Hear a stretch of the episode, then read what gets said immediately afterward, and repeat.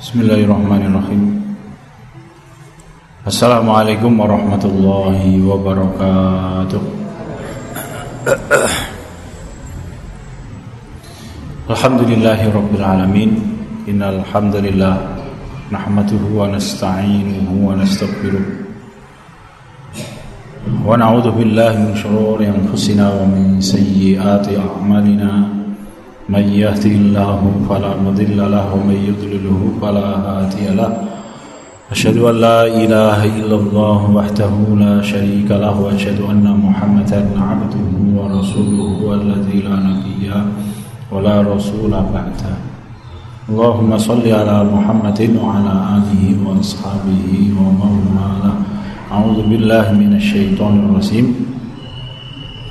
يا أيها الذين آمنوا اتقوا الله حق تقاته ولا تموتن إلا وأنتم مسلمون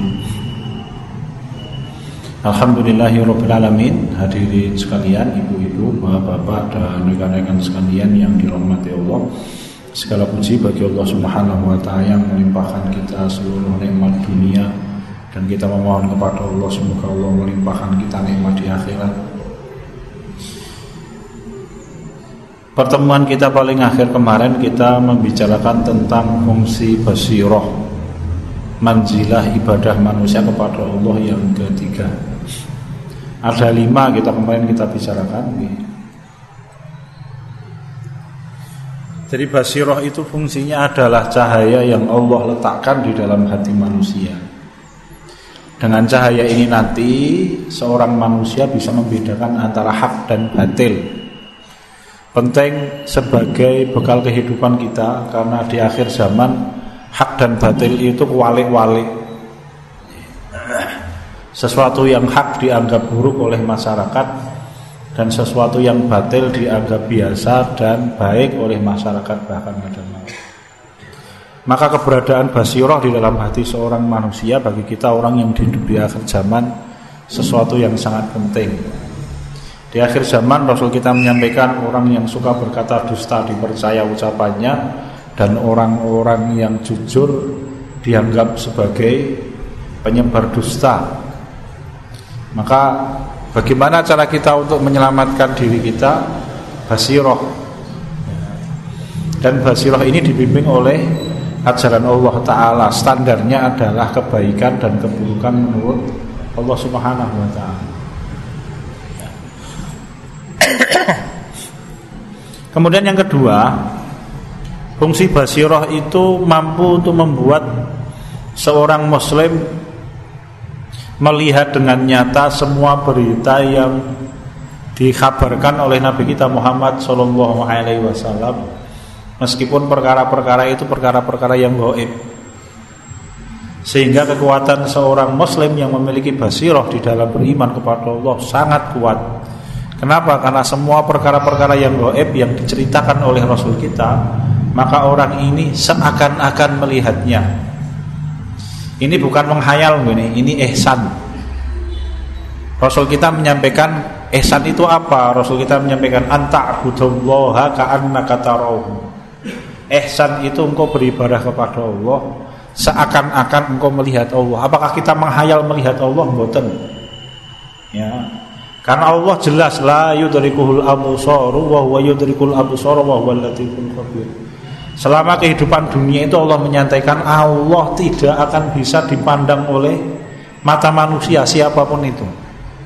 Rasul kita pernah bertemu dengan Allah Ta'ala dan melihat Allah Tetapi bukan di dunia ini Tapi ketika belum mi'raj ke Sidratil Muntaha Dan tempatnya bukan di bumi ini Di langit ketujuh sana di tetapi orang-orang yang memiliki ihsan, ini tingkatan keimanan yang paling tinggi, dia beribadah kepada Allah itu seakan-akan bisa melihat Allah.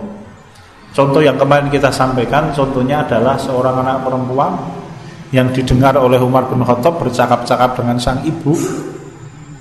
Ibunya meminta agar anak perempuannya mencampur antara susu dengan air. Agar apa? Agar keuntungan ledodol susu banyak. Ya, meskipun waktu itu Amirul Mukminin Khalifah Umar bin Khattab radhiyallahu anhu melarangnya. Ibunya menyampaikan, tapi Umar tidak melihat wahai anakku. Ajeng sang anak menjawab, "Ibu, Khalifah Umar memang tidak melihat, tetapi Allah melihat." Niki ihsan, Mas. Jadi, itu ihsan. Kemudian yang ketiga adalah ka'annahu yushahidu ra'yal aini. Dengan basirah itu seorang muslim bahkan bisa seakan-akan dengan mata kepalanya dia bisa membuktikan dan melihat janji Allah meskipun itu perkara yang gaib. Kita sampaikan gitu, maka para ulama salaf itu ketika melihat api banyak di antara mereka yang pingsan. Kenapa? Karena kalau melihat api mengingatkan mereka dengan api neraka. Imam Ibnu Mubarak itu ketika lampu mati maka mengingatkan beliau dengan gelapnya alam kubur. Ya. Ini basiroh memang itu tidak akan bisa dirasakan kecuali orang yang memiliki basiroh kalau kemudian pertanyaannya kenapa kok orang-orang hari ini tidak peduli dengan halal haram, tidak peduli dengan aturan Allah, ya inilah akhir zaman. Tapi tidak usah khawatir nih Bapak-bapak.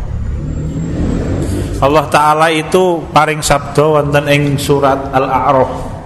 Eh mohon maaf surat Al-An'am. Allah ngendika a'udzu billahi minasyaitonir rajim.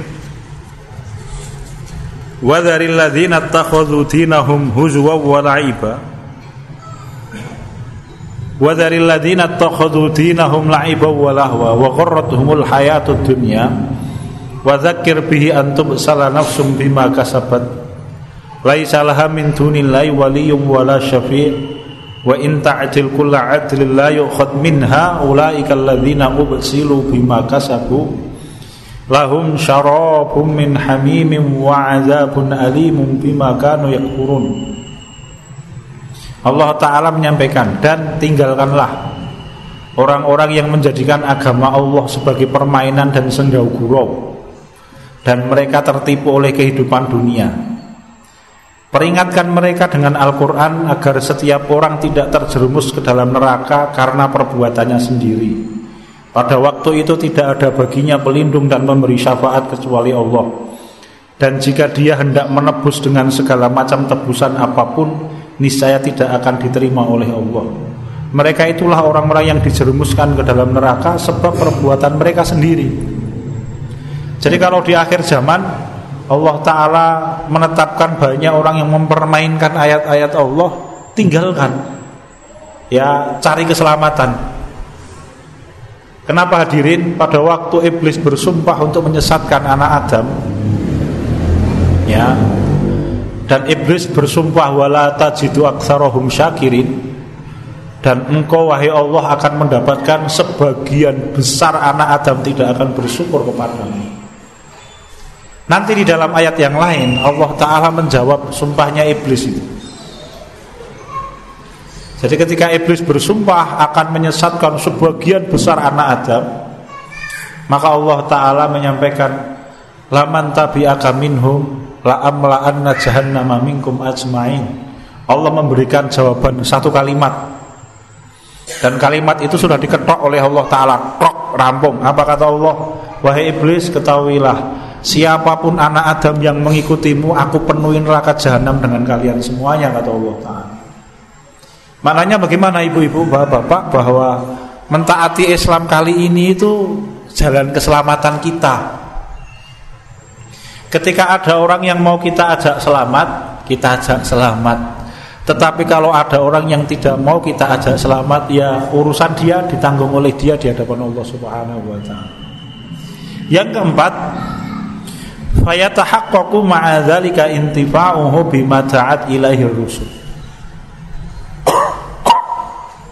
Oleh sebab itu semua manfaat yang didawahkan oleh para rasul itu berfungsi semuanya pada rasul pada waktu rasul menyampaikan dakwah agar kita menjadi orang-orang yang mentaati Allah maka orang-orang yang memiliki basirah akan mentaati Allah Subhanahu wa taala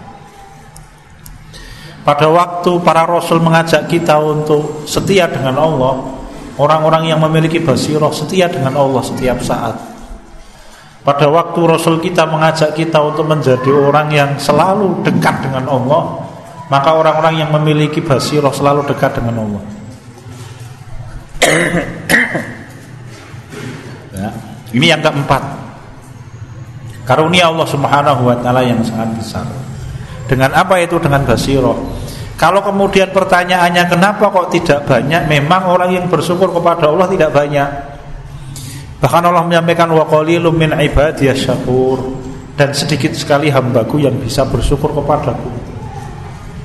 Ya. Nah, mari kita jadikan diri kita orang-orang yang bersyukur dengan nikmat keimanan kita kepada Allah. Yang kelima wa Dan orang yang memiliki basirah itu bisa melihat dengan nyata para bahaya yang terjadi ketika seorang manusia menyelisih ajarannya para rasul terkhusus Rasul kita Muhammad Sallallahu Alaihi Wasallam. Kalau kita cukup aktif di media sosial, nggih. Cukup aktif di media sosial, Anda akan mendapatkan komentar orang ketika kita mengingatkan seseorang tentang cara berpakaian misalkan. Cara berpakaian yang disukai oleh Allah seperti apa, yang dibenci oleh Allah seperti apa anda jangan kaget kalau kemudian banyak orang yang berkomentar, lu apa Allah kok dilibatkan dalam urusan begini. Ya jangan keloro-loro hati ini. Ya. Panjenengan berdakwah di ranah hutan belantara itu ya Anda akan menemukan ono macan, nggih. Ada beruang, ono kidang, ada kelinci, ono codot, nggih ada katak, ada ular berbisa dan lain-lain. Ya tidak kaget Nggih. Jadi memang ya apalagi kula panjenengan sami gesang wonten akhir zaman. Maka orang-orang yang memiliki basiroh paham itu. Dia akan bersabar. Ya hadirin sekalian Allah ya. Dipun lajengaken oleh Imam Ibnul Qayyim al-Jauziyah dengan basiroh seorang yang hidup di dunia bisa melihat satu timbangan amal di akhirat. Ya, bisa melihat timbangan amal di akhirat. Salah satu jening dinten itu Amirul Mukminin Umar bin Abdul Aziz pernah diceritakan oleh istrinya. Ya, ah mohon maaf bukan istrinya, pembantunya. Pembantunya itu bercerita, ya Amirul Mukminin, saya tadi malam bermimpi saya bermimpi melihat seluruh manusia dikumpulkan oleh Allah Ta'ala di mahsyar. Kemudian saya melihat satu persatu orang dihisap amalnya oleh Allah. Kemudian di dalam mimpi itu saya melihat satu persatu orang dibawa oleh Allah Ta'ala melewati jembatan neraka jahanam Ada di antara mereka yang selamat tetapi banyak di antara mereka yang tidak selamat. Kemudian ya Amirul Mukminin di dalam mimpi itu saya melihat panjenengan. Begitu Umar bin Abdul Aziz mendengar kata-kata pembantunya dan di dalam mimpi itu saya melihat panjenengan ya Amirul Mukminin. Itu langsung Umar bin Abdul Aziz semaput loh hadirin. Maka ceritanya belum selesai, tapi Umar sudah tidak mendengarkan lagi ceritanya pembantunya.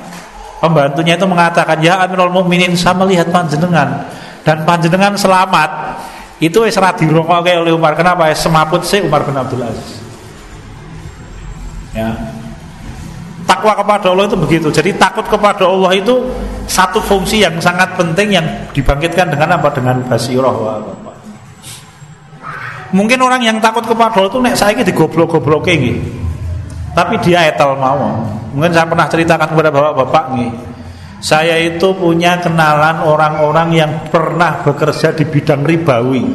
Tidak perlu saya sebutkan mereknya ya, perusahaannya perusahaan-perusahaan besar panjangan biasa ketemu. Itu ada di antara mereka yang begitu keluar dari perusahaan, istrinya minta cerai. Rumahnya diambil oleh mantan istrinya, mobilnya direbut oleh mantan istrinya. Sehingga ketika beliau bertobat, itu menggawa katok sisi kelambi sisi bahasa ya anaknya pun dibawa pergi istrinya dan tidak boleh ditemui oleh dia eh telu mas Mungkin oleh orang lain digoblok-gobloknya belum tidak, belum mengatakan boten Ustaz. Saya merasakan ketentraman setelah saya meninggalkan pekerjaan ribawi. Meskipun gajinya besar, dia bekerja 10 tahun, Pak. Dia sudah termasuk pegawai senior. Ya.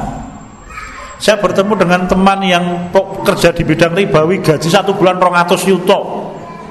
Betulan itu. Dan dia tinggalkan Nek wong saiki goblok-goblok tenanan itu. Duit 200 yuto. Bahkan dia mengundurkan diri dari pekerjaan ketika gajinya mau dinaikkan. 230 atau 250 juta per bulan. Orang Jogja bapak-bapak anak muda itu. Saat ini dodol warung makan itu. Ya. Tetapi orang yang beriman kepada Allah menikmati itu sebagai bagian dari ketaatan kepada Allah. Nggih, Bapak ketaatan kepada Allah Subhanahu wa taala. Imam Ibnul Qayyim al-Jauziyah rahimahullah menyampaikan yang kedua, orang yang memiliki basirah itu bisa melihat dalam tanda petik ketika malaikat berkumpul dan datang ya mengelilingi manusia itu, itu seakan-akan mereka bisa melihat. Ada seorang sahabat ketika Rasul kita berkhutbah di atas mimbar dan menyampaikan cerita tentang neraka. Itu sahabat anak muda itu di belakang barisan itu tiba-tiba teriak semaput kemudian meninggal waduh ya. Begitu. Ada sahabat yang lain ketika Rasul kita membacakan ayat tentang siksa neraka itu sampai dia berhari-hari tidak mau keluar rumah sakit kemudian Rasul kita didatangi dan diberitahukan ya Rasulullah anak muda itu sakit Kapan? Setelah Rasul kita membacakan ayat tentang siksa neraka itu. Maka kemudian didatangi oleh Rasul kita Muhammad SAW. Begitu ketemu dengan Rasul maka anak muda ini segera memeluk Nabi kita Muhammad SAW. Kemudian meninggal di peluannya Nabi kita Muhammad SAW. Ya. Sampai seperti itulah diri sekalian. Seorang yang memiliki basirah dia bisa melihat ketika nanti para nabi itu dibangkitkan oleh Allah dan dimintai saksi satu persatu atas apa yang dikerjakan oleh umatnya. Ya diceritakan oleh Nabi Muhammad dan dia bisa melihat itu. Meskipun matanya tidak tetapi hatinya bisa menetapkan itu. Betul. Ya. Yang keempat dengan basirah seorang manusia bisa melihat jembatan di atas neraka jahanam kalau orang yang tidak punya basiro akan mengatakan orang tahu neng neraka kok cerita neraka. Pernah tahu Bapak-bapak? Orang belum pernah ke surga kok cerita swarga. Itu orang tidak punya basiro. Orang yang pinter eh keminter kok pinter. Wong keminter yang saksani bodoh. Kenapa hadirin sekalian? Kita bisa melihat sesuatu tanpa kita harus mendatangi sesuatu.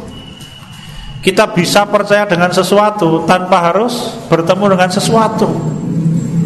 Misalkan panjenengan pernah melihat planet Saturnus yang katanya indah itu.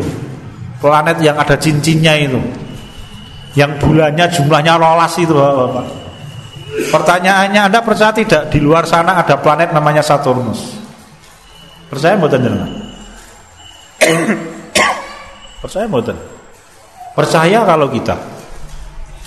Pertanyaannya alamat dengan dong toneng planet Saturnus kok cerita ning kono planet Saturnus. Berarti wong bodoh itu. Itulah orang jahil. Bapak-bapak tahu kenapa Abu Jahal itu disebut sebagai Abu Jahal?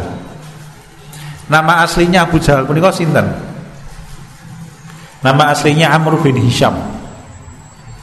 Abu Jahal itu pak dinya Umar bin Khattab dari jalur ibu Ibunya Umar bin Khattab itu namanya Hantamah binti Hisham. Nggih. Abu Jahal. Abu Jahal ini siapa?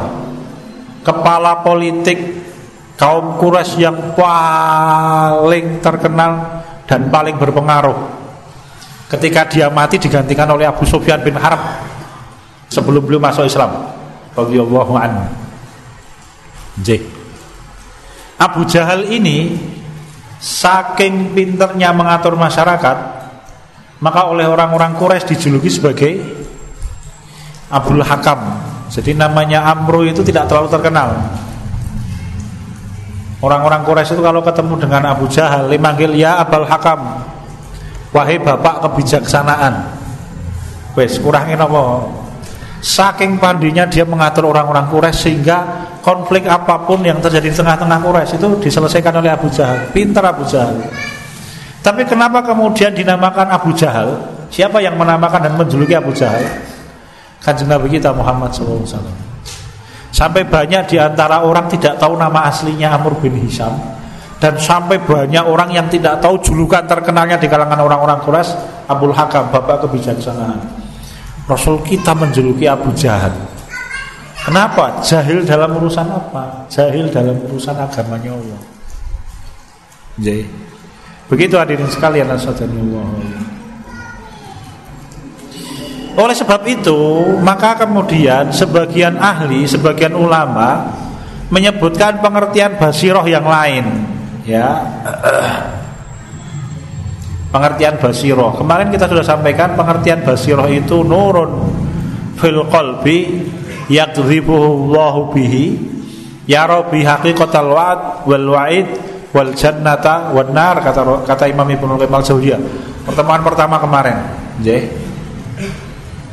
Dengan dasar fungsi basiroh itu maka kemudian sebagian ulama berpendapat bahwa basiroh itu pengertian yang lain adalah tahak kokol intifa'u bisyai'in wa.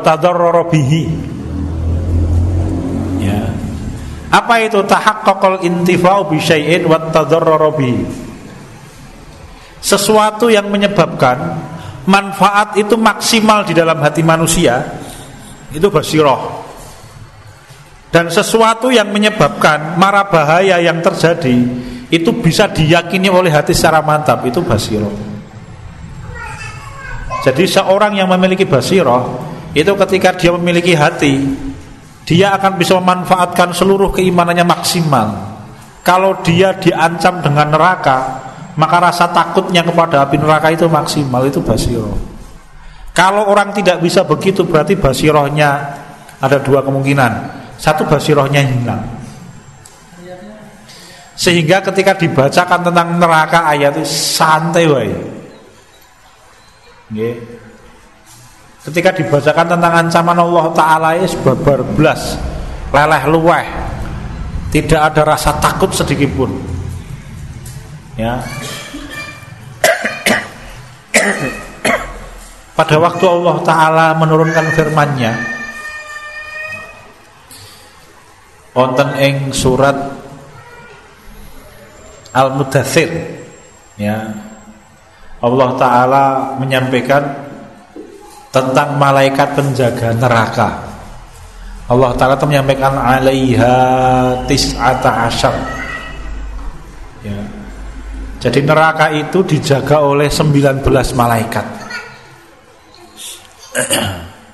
Dijaga oleh 19 malaikat. Dan ini malaikat penjaga neraka Bapak-bapak. Orang-orang yang beriman ketika mendengar kata-kata 19 malaikat, uh ketakutan. Karena satu malaikat saja yaitu Malik Khazinu Jahannam, komandannya operator neraka. Itu ketika menggerakkan neraka sekali saja itu semua orang yang ada di dalam neraka berusaha basa. Wah iki ana 19 Bapak. Tetapi apa komentarnya Abu Jahal? ketika ayat ini turun sehingga menjadi asbabun nuzulnya surat ayat selanjutnya ini. Jadi ketika ayat itu turun, Abu Jahal itu mau komentari itu Muhammad ketean sedulur kayak mulai kate sing jogo neraka ming 19. Nanti kita lawan. Setiap malaikat siji dilawan wong telu kata Abu Jahal. Kalah engko. Maka Allah turunkan ayat selanjutnya. Wa ma ja'alna ashaban nari illa malaikah wa ma ja'alna iddatahum illa fitnatan lil ladzina kafaru liyastayqina alladhina utul kitaba wa yazdada alladhina utul kitaba wal mu'minun wa liyaqula alladhina fi qulubihim marad wal kafiruna madza arada Allah bihadza masalah sampai akhir. Allah Ta'ala nanti wa ma ja'alna ashaban nari illa malaika. Tidaklah kami ciptakan penjaga neraka itu kecuali para malaikat. Wa ma ja'alnahu fit iddatahum illa fitnatan lil ladzina kafaru dan tidaklah kami jadikan jumlah malaikat yang menjaga neraka itu kecuali sebagai penambah bencanya bagi orang-orang yang kafir kepada Allah. Sehingga ketika mendengar neraka itu dijaga oleh 19 malaikat, semakin kafir kepada Allah Subhanahu wa taala. Liyajzadal ladzina utul kitab wal mu'minun dan untuk menambah keimanannya orang-orang yang mencari ilmu dan orang-orang mukmin. Bayangkan Bapak-bapak, satu operator saja malaikat Malik khazinul jahannam itu wis ngosak asik segala-galanya. Lah ini ada 19 malaikat. Di dalam riwayat Rasul kita menyampaikan neraka itu karena bergolak dan akan luntur maka oleh Allah Ta'ala diikat dengan menggunakan rantai ada 30 ribu rantai di dalam satu riwayat Panjenengan silakan baca kitab Ahwalunar Imam Ibnu Rajab Al-Hambali dan setiap 30 ribu rantai itu dipegang oleh 30 ribu malaikat. Wisingnya keli rantai ini memang. Agar apa? Agar neraka tidak runtuh. Karena neraka telah bersumpah kepada Allah Wahai Allah aku akan meruntuhkan diriku. Sisan bersama dengan penghuni neraka. Tidak diizinkan oleh Allah subhanahu wa ta'ala Terus diikat oleh Allah dengan rantai yang jumlahnya 30 Ada satu riwayat begitu. Kemudian setiap satu rantai dipegang oleh 30 ribu malaikat. Sing Joko wong songolas Komandannya siji. Dan satu orang komandannya semua asik hadirin sekalian. Ya. Apalagi 19 Orang yang beriman begitu keimanannya. Orang-orang yang tidak beriman Dia semakin ingkar kepada Allah. Ya tadi komentarnya Abu Jahal Ah Muhammad es kelangan sedulur ini Mulai kate mosok sing jaga neraka ming 19. Di dalam pengertian yang lain Imam Ibnu Qayyim Al-Jauziyah rahimahullah menyampaikan sebagian ulama berpendapat bahwa basirah itu ma khalasuka minal hayrah imma bi imanin wa imma bi ayanin. Basirah itu kata beliau sesuatu yang menyelamatkan kita dari kebingungan. Entah itu karena keimanan, kekuatan yakin, entah itu karena melihat dengan pandangan mata. Itulah basiro. J. Seorang tahu bahwa itu haram. Keimanan dia akan beratnya makanan yang haram, apalagi riba. Tadi kita ceritakan. Yang kata Imam Malik rahimahullah, tidak ada makanan yang lebih haram daripada riba. Tidak ada makanan yang lebih haram daripada riba. Maka kemudian orang yang beriman dan paham itu akan meninggalkan riba. Sebesar apa pun pendapatan yang dia dapatkan. Bapak-bapak rongatus yuto ini awake dhewe duwe celengan duit rongatus ini nyambut gawe berapa bulan ini Teman saya ini itu pendapatan satu bulan loh. Betulan saya tanya sama beliau. Mas jenengan resign dulu itu pekerjaan panjenengan gaji panjenengan pinter nih mas. Belum menjawab pendapatan saya satu bulannya 200 juta besar Manajer regional terbaik di Ya Bapak. Betulan. Kalau belum cerita banyak dengan saya pas jalan kaki. Dia tidak bingung ketika harus memilih kenapa keimanan Wa imma bi'iyanin atau bisa jadi basirah itu mampu untuk melihat seakan-akan matanya. Contohnya ya contohnya perempuan yang ditemui oleh Umar bin Khattab bercakap-cakap dengan ibunya itu. Bagi Umar anak muda ini istimewa. Ya, maka Umar kemudian pulang ke rumah menemui putranya namanya Asim bin Umar lalu menyampaikan kepada putranya wahai anakku aku telah menemukan calon istri yang cocok untukmu Lamarlah anak perempuan yang tinggal di rumah Lalu kemudian dinikahi betul oleh Asim bin Umar datangi ditembung dinikahi perempuan itu Ya, wah rezeki, besar Bapak. Anak seorang wanita yang tidak punya harta, ya, dinikahi seorang putra khalifah.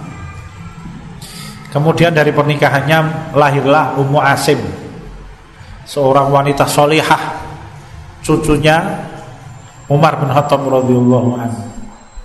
Karena kecerdasan dan kesolehannya, maka kemudian dia dilamar oleh putranya khalifah namanya Abdul Aziz bin Marwan. J. Dilamar oleh putranya Khalifah namanya Abdul Aziz bin Marwan. Dari pernikahan mereka lahirlah satu orang anak namanya Umar bin Abdul Aziz. Dari mana itu? Dari Basirah seorang anak perempuan.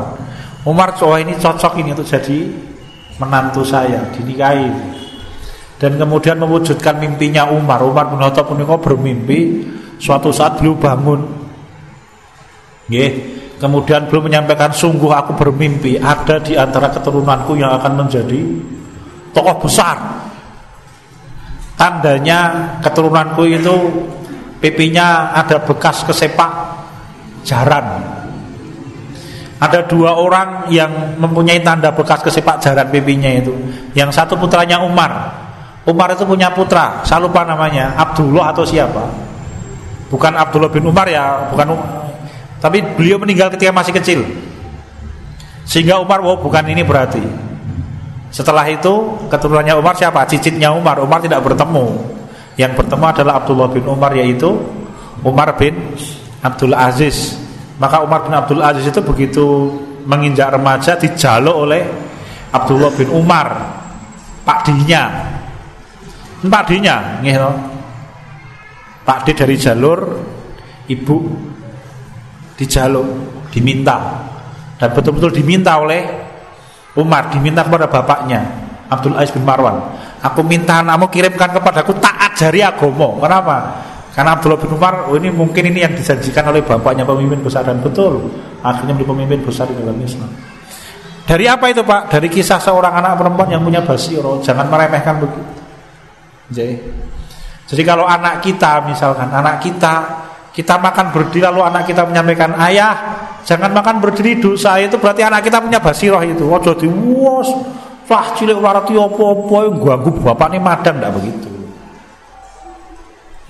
Itu anak yang punya basiroh dan anak kecil itu kan basirohnya kuat sebenarnya kenapa? Karena mereka tidak punya dosa. Jadi Apalagi dia hidup di dalam lingkungan Islam yang baik. Wah itu basirohnya kuat bapak anak-anak kecil itu. Abdullah bin Umar itu pernah melihat malaikat loh. Malaikat Jibril bahkan. Kurang berapa menit mas? Mau masih panjang. Ibnu Abbas itu ketika meninggal, eh, ketika meninggal pada waktu Rasul kita Muhammad SAW wafat, itu usianya sekitar tujuh tahun, sekitar tujuh tahun, masih muda betul. Tetapi Abdullah bin Abbas itu pernah melihat malaikat Jibril. Jadi suatu saat Abdullah bin Abbas radhiyallahu anhu dan sang ayah Abbas bin Abdul Muthalib radhiyallahu anhu itu menghadap kepada Rasul berdua. Ya. Beliau ketemu dengan Abbas senang banget lah. Kenapa? Karena Abbas tinggalnya di Makkah. Nggih. Dan Abbas ini pamannya Rasul yang paling muda yang mati-matian membela Rasul ya termasuk yang mengajak diajak oleh Rasul ketika menerima bayat akobahnya orang-orang Madinah pertama kali itu dua kali itu kan sing diajak Abbas. Maka begitu kedatangan Abbas Rasul kita bagi pada waktu masuk ke dalam majelisnya Rasul mohon maaf bukan majelisnya Rasul nih ruangan itu. Duduk begitu duduk maka Abbas, Ibnu Abbas Abdullah bin yang masih kecil itu kemudian bertanya ya Rasulullah saya tadi kok melihat panjenengan bercakap-cakap dengan seseorang?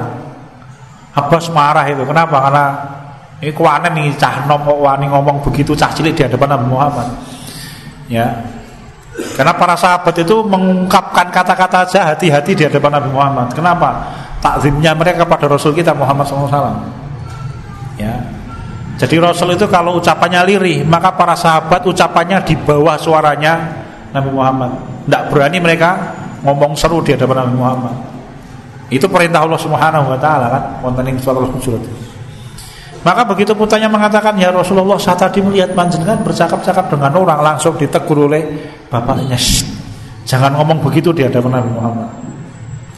Maka Rasul kita bertanya, "Wahai Ibnu Abbas, engkau melihat aku sedang bercakap-cakap betul ya Rasulullah saya lihat panjenengan tadi bercakap-cakap dengan seseorang.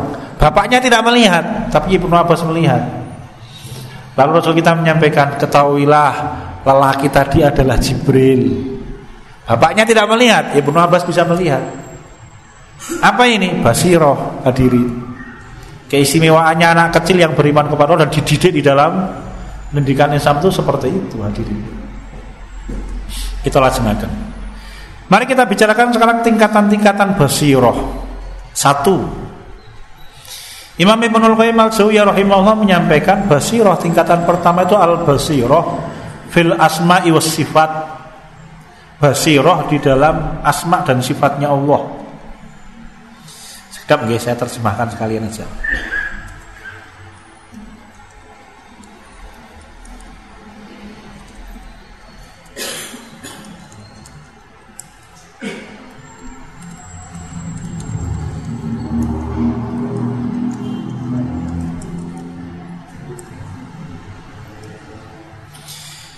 Basiroh di dalam nama dan sifat-sifat Allah Subhanahu wa taala.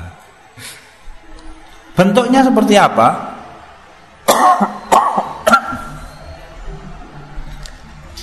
Imam Ibnu Al-Qayyim Al-Jauziyah rahimahullah menyampaikan Allah yata'assaru imanun bisyubhatin ta'arradha ma wasafallahu bihi nafsahu wa wasafa bihi rusulahu rusuluhu jadi basiroh di dalam asma wa sifat ini adalah keimanan kepada asma dan sifat itu tidak tercampur dengan berbagai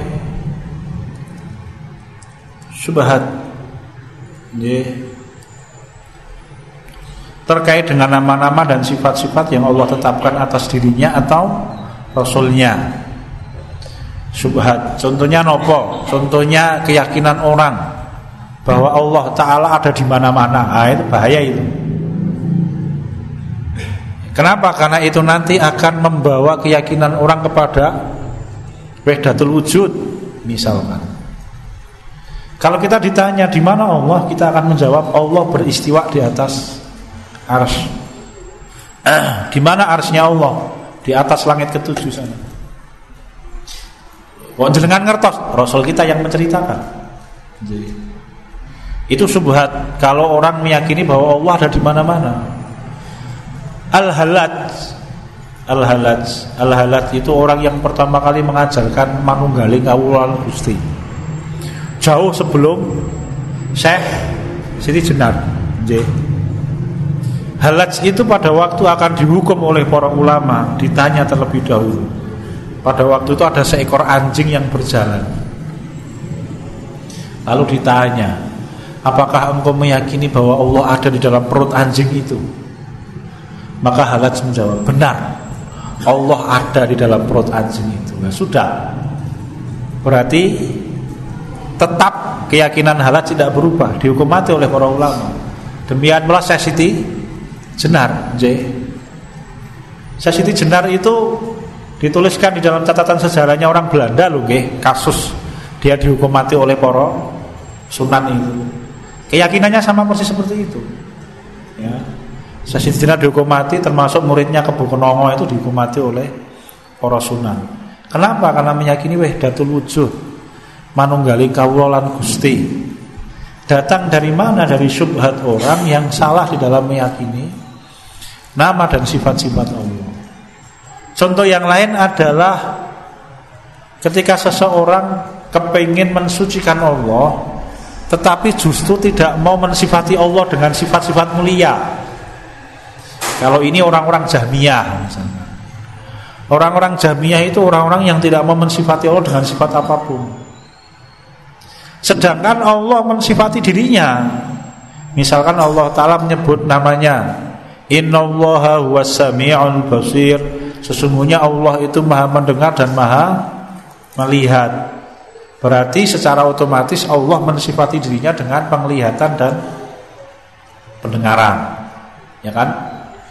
Innallaha alimun hakim. Sesungguhnya Allah maha mengetahui dan maha bijaksana. Berarti otomatis Allah mensifati dirinya dengan ilmu. Karena Allah yang menciptakan ilmu. Dan Allah mensifati dirinya dengan kebijaksanaan. Orang-orang Jamiyah itu saja ini niatnya apa? Kepengen menyelamatkan diri mereka dari tasbih menyerupakan Allah dengan hambanya tidak boleh. Karena Allah menyampaikan laisa kami syai' wa huwas samiul basir dan Allah itu tidak ada yang menyerupainya. Walam yakullahu kufuwan ahad dan tidak ada tandingan bagi Allah taala. Orang-orang Jahmiyah karena memang tidak mengetahui ilmunya, akhirnya mereka mengambil sikap ekstrim. Tapi justru sikap ekstrim itu sikap yang sangat buruk. Apa itu? Karena khawatir menyerupakan Allah dengan makhluknya, akhirnya orang Jahmiyah tidak mau mensifati Allah dengan sifat apa pun. Mangkakno ketika orang tidak mau mensifati Allah dengan sifat apa pun Dia jatuh ke dalam dosa yaitu Secara tidak langsung dia mensifati Allah dengan sifat tercela. Contoh Allah mensifati dirinya dengan pendengaran dan penglihatan. Karena Allah maha mendengar dan maha melihat.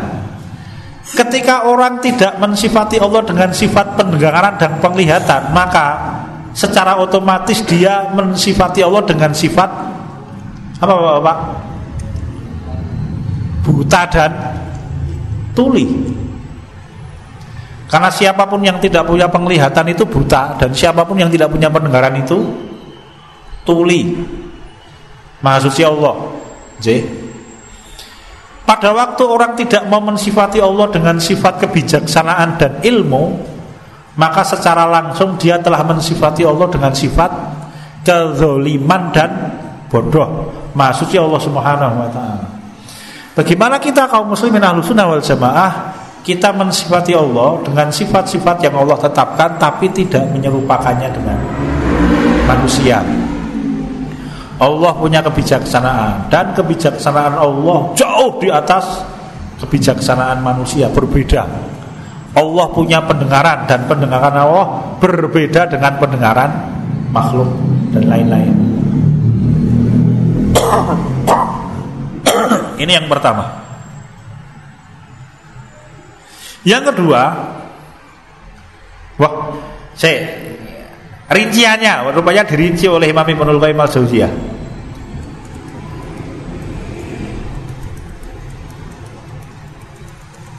Sekedap nggih. Oh berarti tidak cukup waktunya nggih pun. Binjang kita lajengaken oh banyak sekali nih.